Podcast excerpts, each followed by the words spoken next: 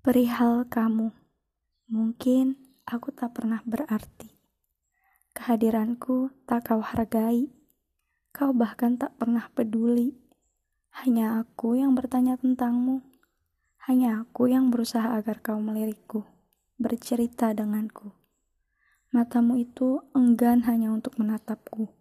Sampai akhirnya aku sadar bahwa kau tak pernah peduli.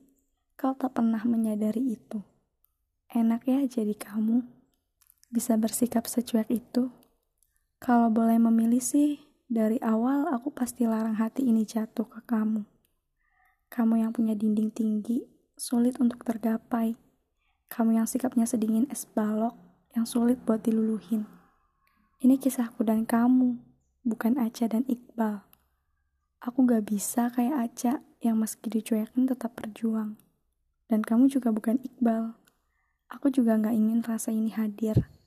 Tapi mau bagaimana lagi? Semua sudah terlanjur. Hanya aku yang jatuh hati. Gak apa-apa. Mungkin ini yang terbaik. Agar aku cepat sadar bahwa kisahku dan kamu yang belum dimulai harus segera selesai.